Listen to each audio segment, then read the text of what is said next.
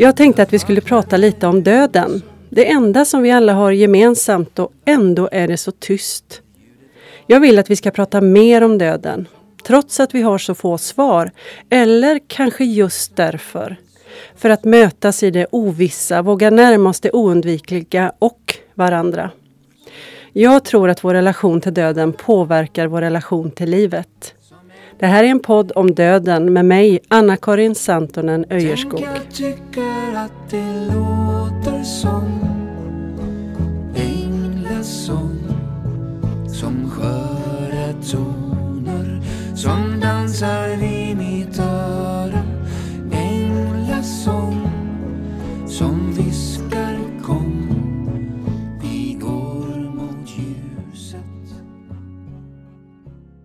Dagens gäst är den seglande operasångerskan och kyrkoherden ifrån Styrsö. Välkommen Agneta Olsson Tack Anna-Karin. och god jul! Ja, tack detsamma. God jul. Vad betyder julen för dig? Arbete. Eh, Mycket arbete. Eh, Gemenskap. Eh, Möten framför allt med kända och okända. Eh, Vi har många gudstjänster på öarna och eh, det gör ju att man får stifta bekantskap med många nya ansikten. Mm. Vi börjar lite med eh, din bakgrund. Eh, Du är också legitimerad psykoterapeut med flerårig erfarenhet av att hjälpa människor i utsatta situationer. Vi kommer tillbaka till det. Men var kommer det här med operasångerska ifrån? Ja, det är så här att eh, jag har alltid sjungit. Ehm, började tidigt att nära tanken på att jag ska bli sångerska så att jag flyttade tidigt till Wien och studerade musik och sång där. Och det var också därefter rätt så många år som jag fick kallelsen till att bli präst så att jag avslutade då de studierna och så gick jag vidare och började läsa teologi. Så att när man säger, och jag vet att det sägs så och jag vet att man uttrycker sig så, det är inte fel att säga, men jag är ju inte operasångerska, jag har inte försörjt mig på operasång. Men tanken var kanske den från början. Men jag har ju haft stor glädje av att jag kan sjunga. Så att jag sjunger ju mycket och har sjungit väldigt mycket i mitt liv. Och jag har förstått att musiken mycket präglar livet på Styrsö. Att det är mycket musik och sång där ute och de säger att det är delvis tack vare dig. Säger de det? Det var roligt att höra. Men jag tror att de hade mycket musik innan jag kom dit för tio år sedan också. Men det är klart att jag har varit väldigt ivrig i att vidmakthålla det goda musikaliska ryktet som vi har. Och eh, det är ju ett stort intresse som jag har. Så visst är det så. Sen har ju musiken en helt annan ingångs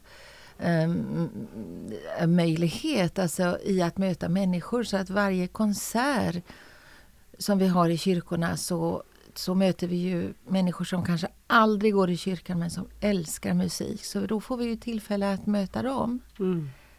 Så kyrkan blir mer än bara kyrka, om man kan säga så. 2001 så spelade du in en egen CD. Hur kom det sig? Det kom sig att en kvinna som sedermera har blivit min bästa vän, en av dem, och eh, hon var i kyrkan och tyckte att, eh, att jag sjöng ju jättebra. Hon tyckte att jag sjöng för bra för att bara sjunga i kyrkan. Så hon sa, jag producerar gärna en CD med dig. Och tyckte det var roligt och då gjorde vi det. Mm, Och du med en spelade- trio. Med en trio. Mm.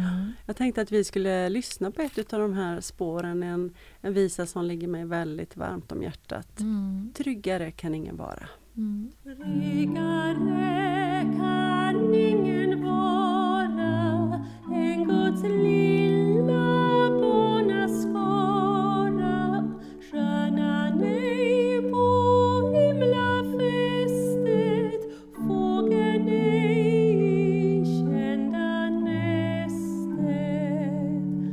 sa det här, jag fick ett kall att läsa teologi. Hur går det till? Liksom? Kommer det som en, är det någon där uppe då som säger att nu är det dags? Eller är det en känsla som föds? Eller vad betyder kall? Ja, för det första tycker inte jag att det här med att ha ett kall, att, att kyrkan har ensamrätt på det ordet. Jag tycker att man kan känna kall till att göra mycket. det är att jag känner att jag är ämnad att vara på ett ställe eller vara den jag är. Det är också ett kall. För min del var det så att jag hörde det sägas till mig faktiskt, de orden att jag ska inte bli sångerska, jag ska bli präst. Det var så högt och det var så tydligt att jag till och med kom mig för att argumentera mot detta eftersom det var för mig då i det läget när jag var så ung ganska Hur främmande. gammal var du? Ja, I 20-årsåldern, jag Ja. var 24 eller något sånt där. Mm. Ehm, och eh, jag gjorde så att jag åkte hem. Jag packade min väska och åkte till Sverige ganska omgående. Ifrån, Wien, ifrån Wien. där jag bodde. Mm. Och Det är har jag aldrig, gjort. Det var modigt gjort Ja. och jag har aldrig ångrat det. Jag tycker ju att, att få vara präst, att tjäna, att få göra skillnad framför allt i människors liv. Och jag hoppas att det är det vi gör som präster. Det är ju det största Mm. av allt. Jag var lite fundersam på hur jag skulle titulera dig. Det är så många ord här. Ibland så, så är det präst, ibland är det kyrkoherde och ibland är det församlingsherde. Ja. Vad är det som gäller? Jag är så nöjd med Agneta, du behöver inte titulera mig. Jag, jag har ju varit kyrkoherde i tio år och eh, genom omorganisationen så kallas vi för församlingsherdar idag. Mm.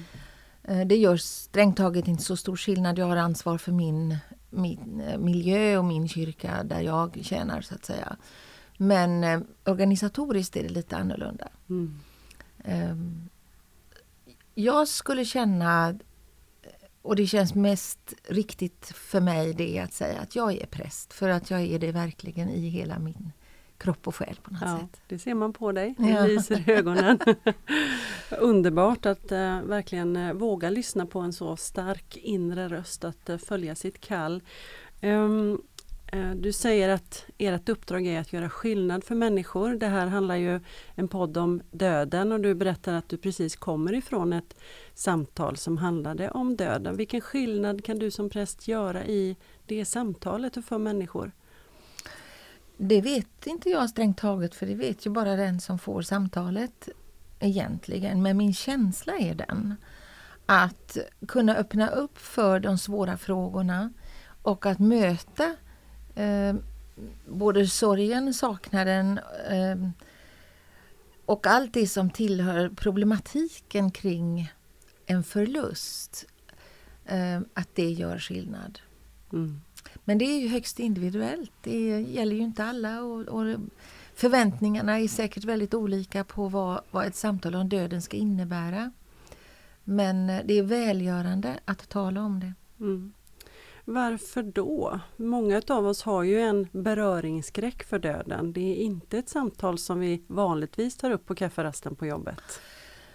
Både ja och nej tycker jag. För att nu är jag klart i min, mitt arbete så står jag ju döden väldigt nära och jag, jag talar om det väldigt ofta.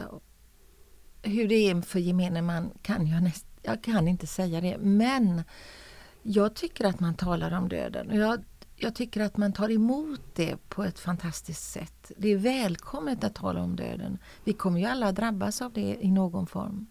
Både andras och vår egen. Mm.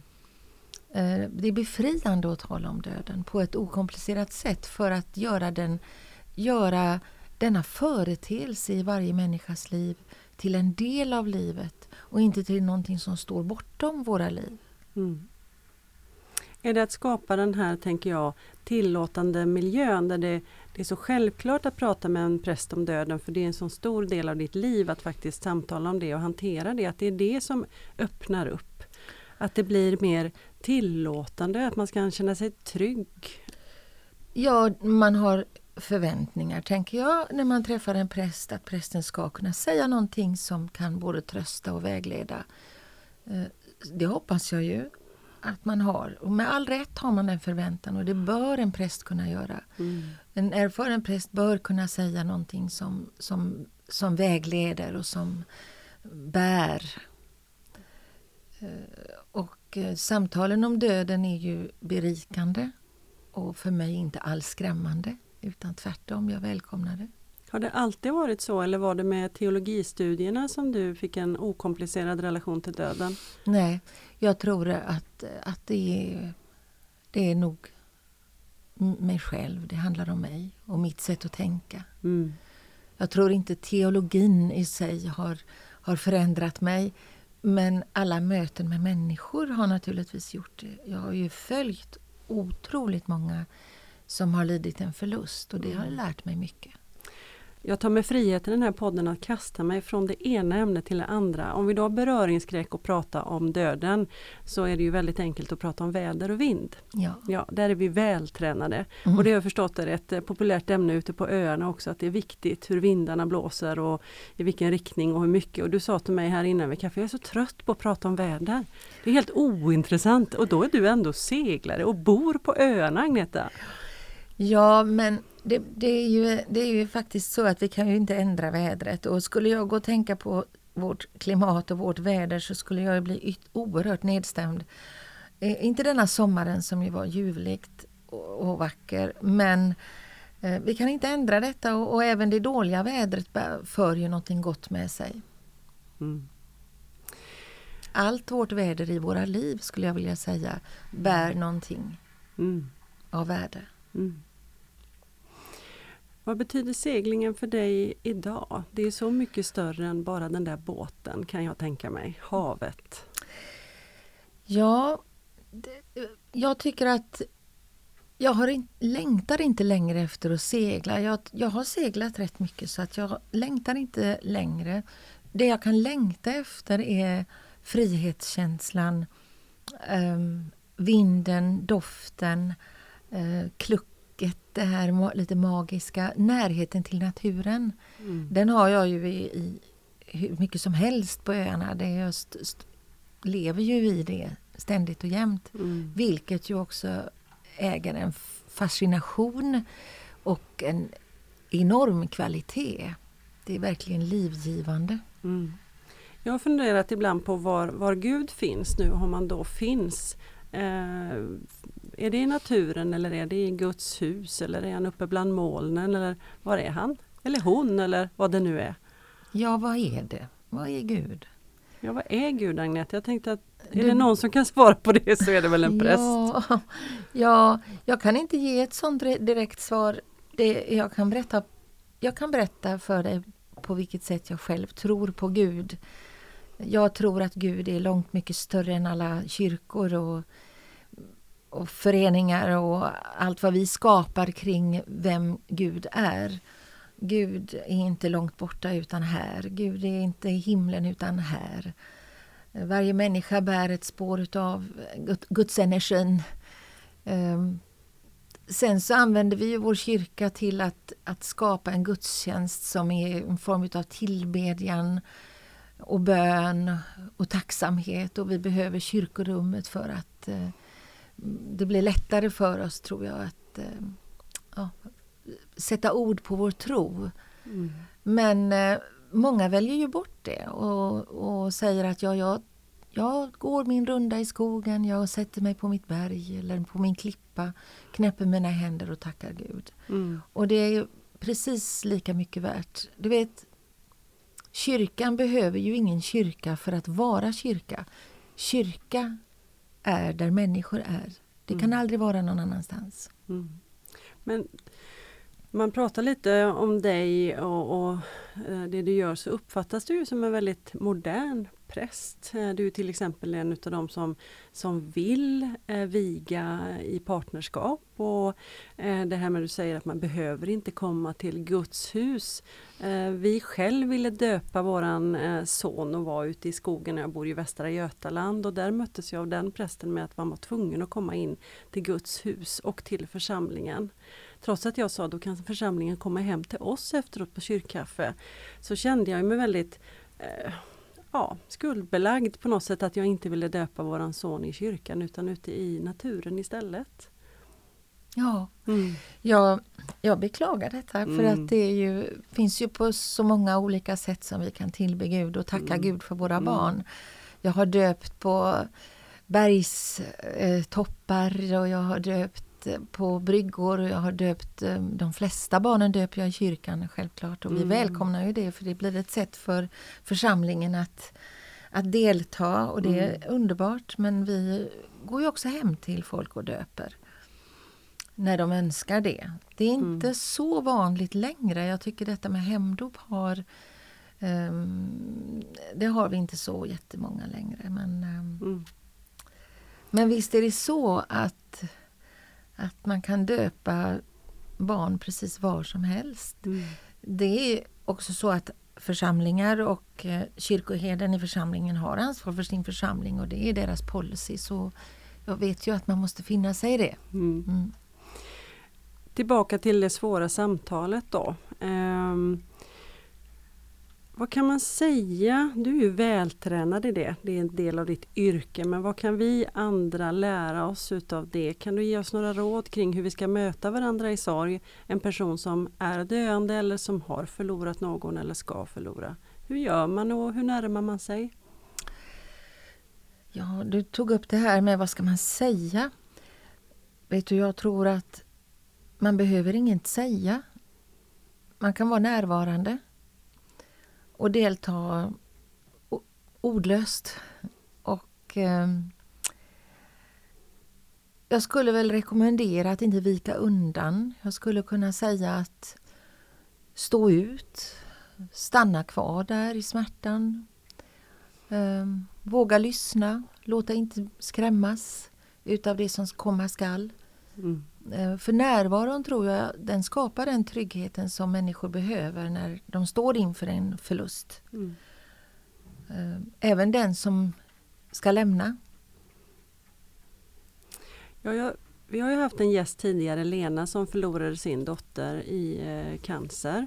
Och där hon fick råd ifrån läkaren att inte prata om döden med sin dotter för att med det skulle innebära att man förlorade hoppet.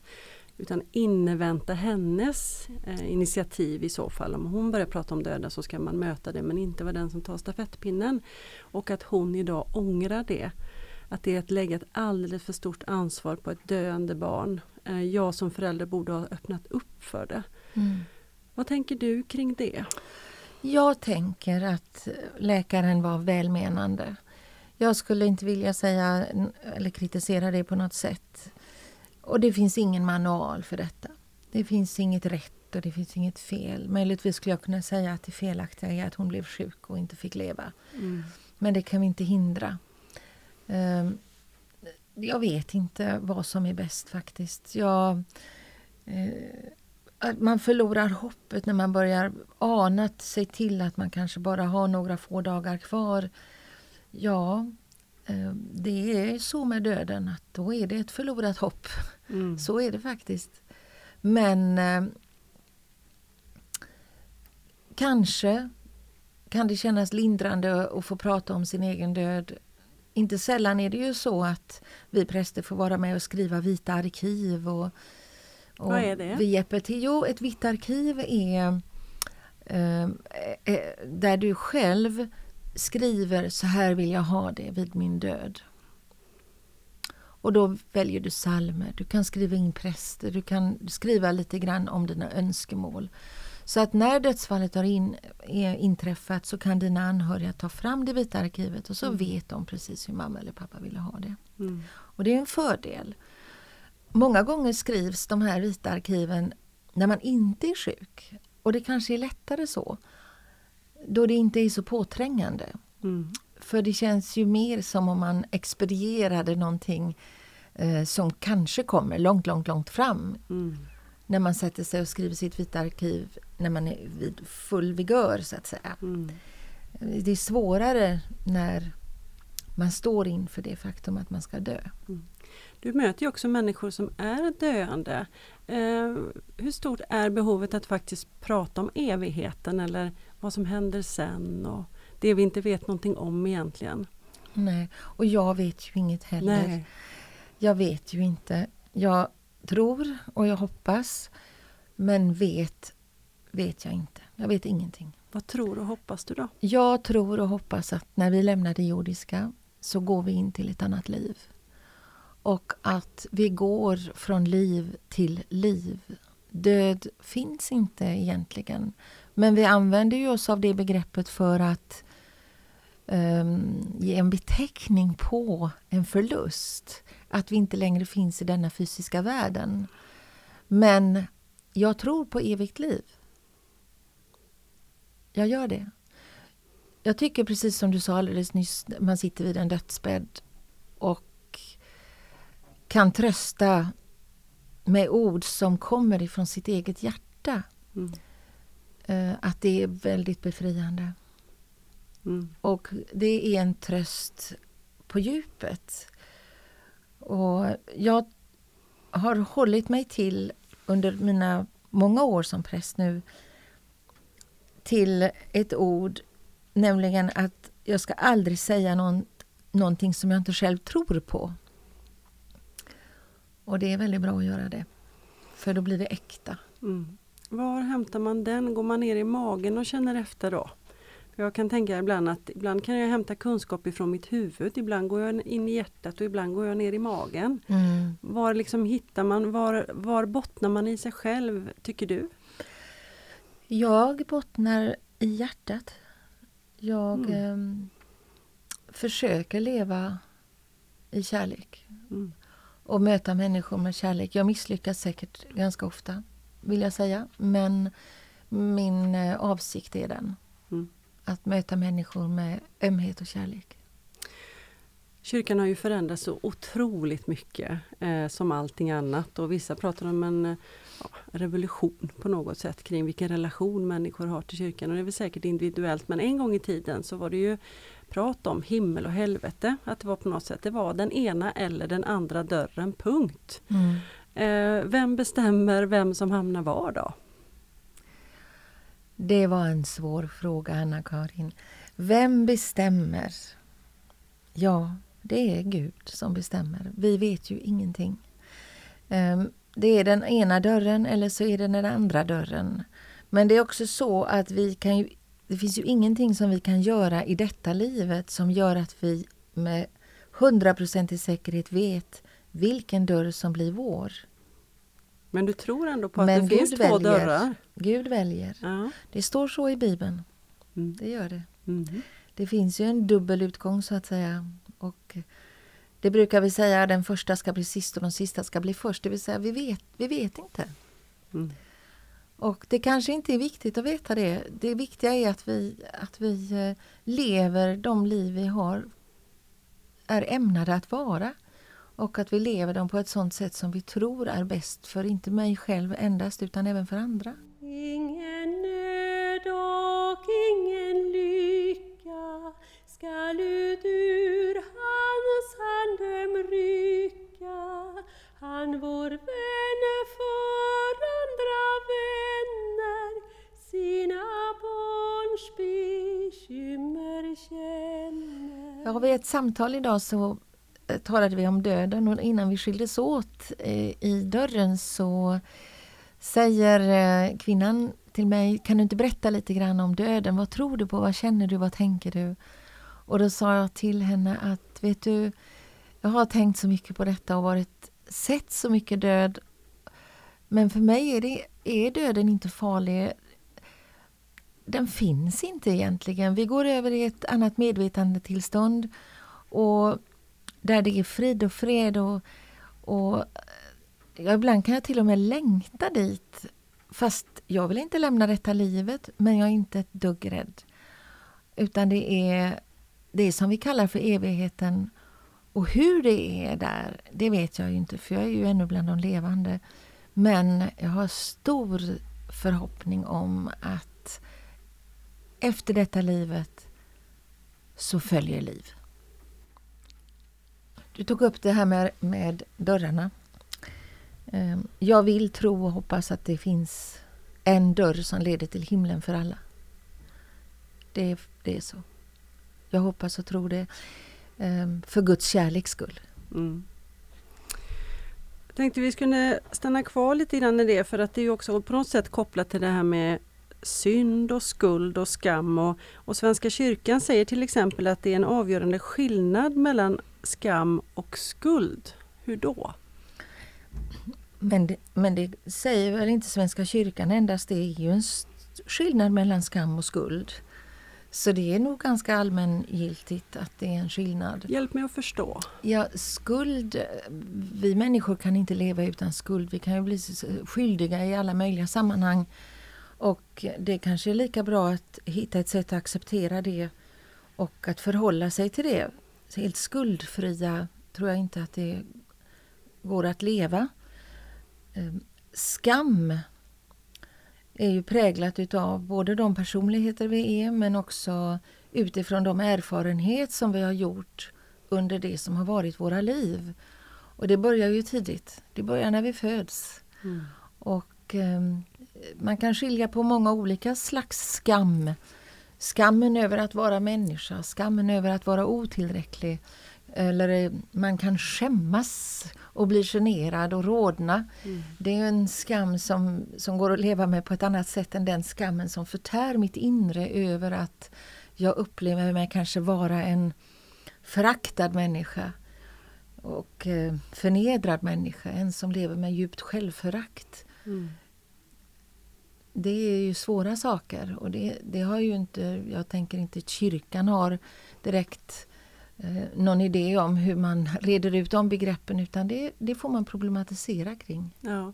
Jag tänker, kan det möjligen vara så att man tidigare kände skam inför andra saker? Att man kanske spelade kort där vid fördragna gardiner hemma som inte var tillåtet. Och det, så är det ju inte idag längre. Men att vi människor känner en skam och dåligt samvete möjligen kring att tiden inte räcker till. Att vi inte räcker till som människor. Att det är vår tids stora dåliga samvete som pockar på uppmärksamhet. Otillräcklighet och brist på tid. Ja, så är det säkert. Och det har jag ingenting att säga om annat än att det tror jag att vi alla måste förhålla oss till. Att vi under perioder av vårt liv, vi räcker inte till. Så är det. Och jag har dåligt samvete för jättemycket i mitt liv. Saker jag både har sagt och gjort som har varit fel. Jag har varit otillräcklig och det är jag ledsen över. Men eh, jag måste hitta ett sätt att förhålla mig till det. Och eh, Är det någon människa som inte är drabbad av dessa svåra begrepp av skuld och skam så kan jag bara gratulera. Mm. Vad ber du om förlåtelse då? Är det Guds förlåtelse eller är det människor eller ber du dig själv om förlåtelse? Hur, hur ber du om förlåtelse och hur tar du emot det? Jag ber om förlåtelse varje söndag. Eh, Jag predikar ju i stort sett varje söndag och i inledningen i gudstjänsten så, så ber vi om förlåtelse. Det är ju inte nödvändigtvis så att det måste vara en exakt eh, skuld jag bär fram för att säga att jag ber om förlåtelse för att. Utan det kan ju vara en förlåtelseakt och en lättnad över att jag blir förlåten. Inte för att jag har gjort någonting för det, utan för att Gud förlåter mig. Mm. Det är genom Guds kärlek jag blir förlåten. Svåra frågor igen nu Agneta. Alltså eh, att ta sitt liv, självmord, aktiv dödshjälp, dödsstraff. Vem bestämmer och hur, hur tänker kyrkan där? Hur tänker du där? Ja, ehm, för mig så spelar det ingen som helst roll på vilket sätt vi kommer över till det, det andra livet. Ehm, självmord är ju en, det är en tragedi. För den som lider är det allra värst. För de som står nära och inget kan göra. För alla som är berörda så är ett suicid egentligen otänkbart. Men det vilar ju ingen skuld på den som begår självmord. Ingenting. Mm. Ingenting alls. Ehm, För det är en djup sorg verkligen. Ja, jag pendlar lite grann här emellan. Du stackare får bära liksom hela Svenska kyrkan. du är ju en alldeles egen människa, vilket vi uppskattar. Men en gång i tiden så var det ju straffbart att ta livet av sig. Om du då överlevde ett självmord så åkte du ju finkan mer eller mindre och det finns församlingar som fortfarande begraver de som tar livet av sig längst ut i kanten i periferin. Hur utbrett är det här idag egentligen tror du? Jag hoppas inte det är utbrett överhuvudtaget. Det, det är ju nonsens naturligtvis. Mm. Men så var det förr och eh, man levde med den idén att detta var osaliga människor och att de inte hörde till himmelriket. Och jag, vet, jag vet inte. Jag Nej. tycker bara att det känns otroligt hemskt. Jag skulle helst vilja ha dem på en hedersplats. Jag tycker att det är en, om det finns någon sån på kyrkogården. Men eh, eh, ja, det känns ju så främmande. Fast jag vet ju att det är på det sättet. Mm. Eller var. Kan vi få någon slags vägledning från teologin vad det gäller då aktiv dödshjälp? För det finns ju andra länder som har valt andra vägar än Sverige där det fortfarande är förbjudet. Mm. Ja.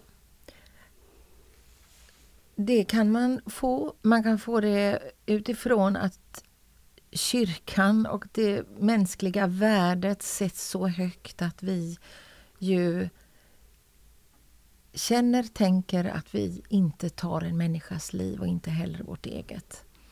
För mig känns det oerhört främmande att tänka att jag skulle åka till en självmordsklinik i Schweiz eller i Holland där det också finns. Mm.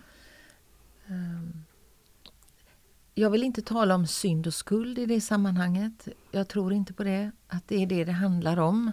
Men det är djupt främmande för oss som kristna att tänka att det är så vi gör, att vi tar livet av människor. Mm. Jag är inte för dödsstraff heller.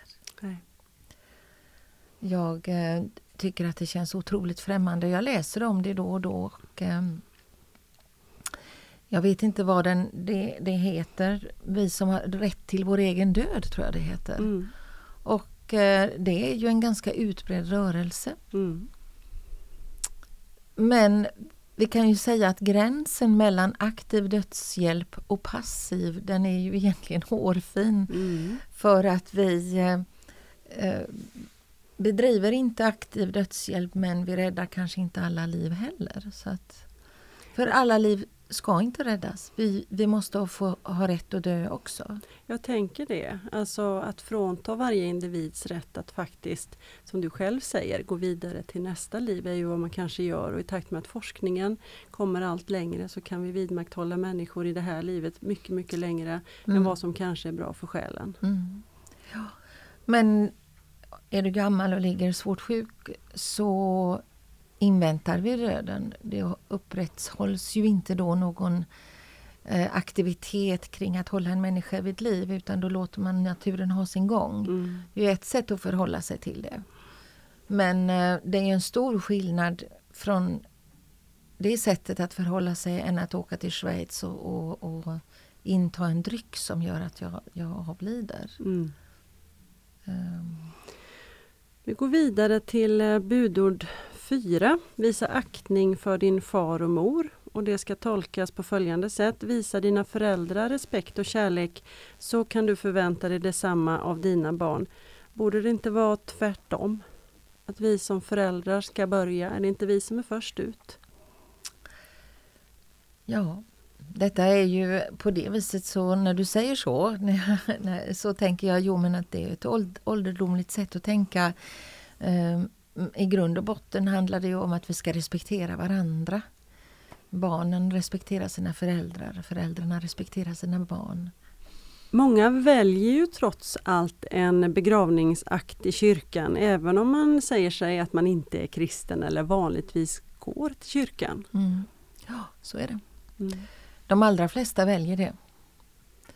Och eh, det är kanske för att man inte riktigt vet hur man ska göra annars. Men jag tror att till syvende och sist så gör döden någonting med mig. Och kyrkan blir då en naturlig plats att ge uttryck för det.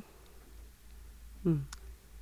Jag tänker att i ditt ämbete så måste det vara eh, oceaner av skillnad mellan att begrava en, en gammal sjuk människa som dör helt naturligt av ålder eller ett barn som dör alldeles för tidigt eller eh, olycksfall och så. Ja, det är det verkligen. Det kan ju vara lika mycket ett stort varför som ett stort äntligen. Eh, det kan vara omöjligt och det kan bli möjligt. Alltså det finns ju allt verkligen. Och eh, som präst delar jag ju sorgen förstås med människor. Men de skulle ju inte ha så stor glädje av mig och nytta av mig om jag också sörjde. Så det gör inte jag. Jag försöker förhålla mig så att det blir professionellt så att de har, kan få största, mesta möjliga hjälp av mig under den svåra stunden. Mm. Vilken tröst kan man då ge till föräldrar som har förlorat ett barn? Eh, jag vet inte, skulle jag säga, men jag tror att prästens närvaro är viktig. Kanske också den ordlösa delaktigheten. Men jag lägger ändå stor vikt vid det som vi kallar för griftetal. Ehm, att bemöda mig om att ett tal som ska hållas vid en avliden, ett barn, en medelålders, en människa mitt i livet eller en gammal, vad det nu är, att det blir äkta och uppriktigt. Så att de som lyssnar kan känna igen sig och att det stämmer överens med hela deras önskan om att avskedet ska eh, bli så riktigt som möjligt. Mm. Om man nu tänker sig att det finns en mening med allt som händer i livet och att Gud är den övergripande regissören kring allt på jordelivet. Vad säger man då till eh, föräldrar som tvivlar och som känner djup, djup ilska? Mm. Jag, eh, jag kan inte säga det så här på rak arm för att då får jag sitta i... Jag får möta de människorna i den smärtan där och då. Då kan jag säga någonting. Att tala om det så här hypotetiskt blir väldigt svårt för jag ser just ingen framför mig. Men jag skulle ändå vilja säga att jag förnekar ingen smärta och vrede. Jag skulle aldrig vilja eh, trösta genom att säga något förnuftigt eller något eh, eh, bibelord eller någonting som jag tror skulle trösta utan människor har också rätt till sin sorg. De har ju rätt till sin vrede och sina, sin känsla av varför. Mm. Det kan ta åratal att komma igenom det. Mm. Jag tänker att din utbildning som psykoterapeut hjälper dig här. Det... Att inte ha svaren i förväg utan att vara i stunden och vara följsam istället. Att det är det som är storheten egentligen. Absolut, där, det får jag säga att där har jag en enorm trygghet. Att jag är en van terapeut. Jag har suttit i samtal i många år. Och eh, det kanske är det terapeutiska inslaget i de samtalen vi då för som är tröstande i sig. Mm. Det kan vara så. Och jag tänker att jag som inte är utbildad ändå kan lära mig någonting av det förhållningssättet. Att jag inte behöver ha svaren mm. eller ens orden när jag Nej. möter människor utan att man faktiskt bara kan vara lyssnande och följsam. Mm. Och att det räcker i att vara människa. Absolut, och att inte vika undan. Det skulle jag vilja säga. Vik inte undan. Um, våga, våga dig fram. Ställ frågorna. Lägg armen uh, alltså, runt axeln. Trösta på det sättet. Det finns ju många sätt. Det beror ju på hur nära man är naturligtvis. Man får ju värna om människors integritet. Mm. Men uh, nej, det är precis som du säger det här med att jag inte har svaren. Och det sa ju KG Hammar så vackert tycker jag. att Biskopen. Jag har inte, ja, han var ärkebiskop. Mm. Jag har inte svaren men jag söker dem. Och det, det är egentligen så jag lever tror jag. Jag mm. har inte svaren men jag söker dem. Och jag tänker att det är kanske är därför du inte är rädd för döden. För att man behöver inte ha svaren. Det är okej. Okay. Ja, det kan vara så. Mm. Jag har reflekterat så otroligt mycket kring detta med döden så jag har kommit fram till det. Att eh, jag är inte rädd för döden. Men jag är orolig för hur, förstås. Mm. Det vet jag inte. Alla har sett sin vagga men ingen har sett sin grav. Alltså jag vet ju inte. Mm. Men jag är inte rädd för övergången. Det är jag inte. Blir du arg på Gud någon gång? När tvivlar du och gör du det någon gång? Jag tvivlar jag tvivlar inte på Guds existens eller så. Det gör jag inte. Uppsåtet? Men eh, uppsåtet, jag för ju mina samtal med Gud. Jag vet inte om jag är så arg på honom eller henne eller vad jag nu får uttrycka mig som. jag, jag, så känner jag inte. Jag känner stor tillit och stor tröst i att kunna tro på Gud. Mm. Eh, julen, vi börjar ju i julen jag tänker att vi också ska avrunda där. Det ska ju vara en glädjens högtid och det är det ju för många av oss. Men för andra så är det precis tvärtom att eh, i takt med att förväntningarna är höga så blir man också mer utsatt kanske i sin ensamhet och sin, eh, sin utsatthet och sin sorg. Mm. Kan du ge oss någon klokskap Agneta inför julafton och julhelgen? Och jag skulle vilja säga ta det lugnt. Julen är ju inte bara julafton. Ehm, och det är klart att vi måste respektera att den ensamme blir ännu mer ensam. Man kan titta in i ett fönster och där ser vi människor och de umgås och de äter och dricker och har det trevligt och skrattar. Men jag får inte vara med. Det är klart att det förstärks otroligt för den ensamme och övergivne. Och som inte, för den som inte har resurser att kunna fira jul. Och det är ju förtätat. Men det är också en svår tid. Det är inte alla familjekonstellationer som klarar den här underbara gemenskapen. Utan det blir väldigt laddat kring allt umgänge. Och eh, jag har dragit ner förväntningarna. Det kanske skulle kunna vara ett råd. Dra ner förväntningarna. Um, försök att ta en dag i sänder. Ta det för vad det är. Gör inte så stor sak Mm av att det just nu är jul igen. För det kommer ju faktiskt varje år. Och många gör det. Många drar ner förväntningarna. Många gör något annat på jul. Eh, Man skippar eh, julklappar och julgran och man försöker att, att eh, förminska lite grann eh, kringarbetet kring vad julen är. Och det tror jag är bra. Och, Och det en- passar mig. Ensamhet och sorg då, om det är det jag har att hantera? Ja, det, för den som blir ensam kring den här tiden så är det självklart så att det är svårare. Avsaknaden av den andre blir ju så fysisk på något sätt. Och är fysisk.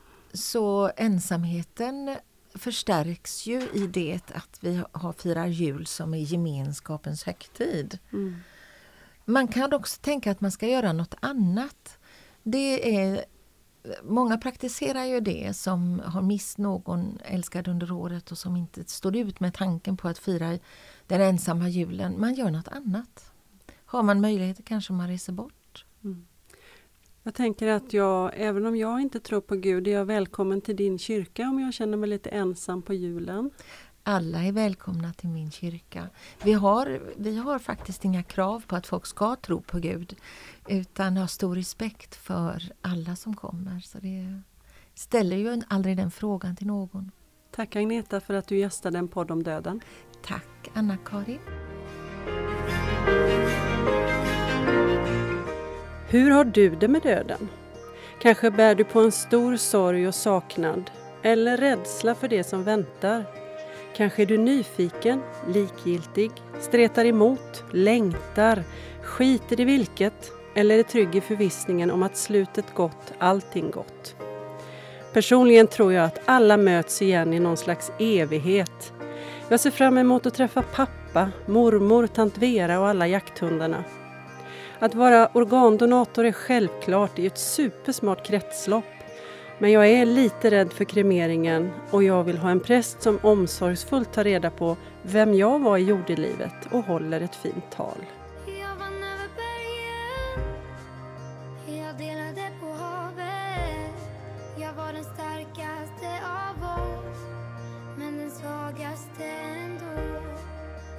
Hålla dig i handen När du fick lämna dina drömmar och försonas än med tiden. Jag fick se dig tacka livet trots allt. Nu kan vi säga, nu kan vi säga Att vi har varit på jorden? Säga jag var där Hur underbart var det? Hur underbart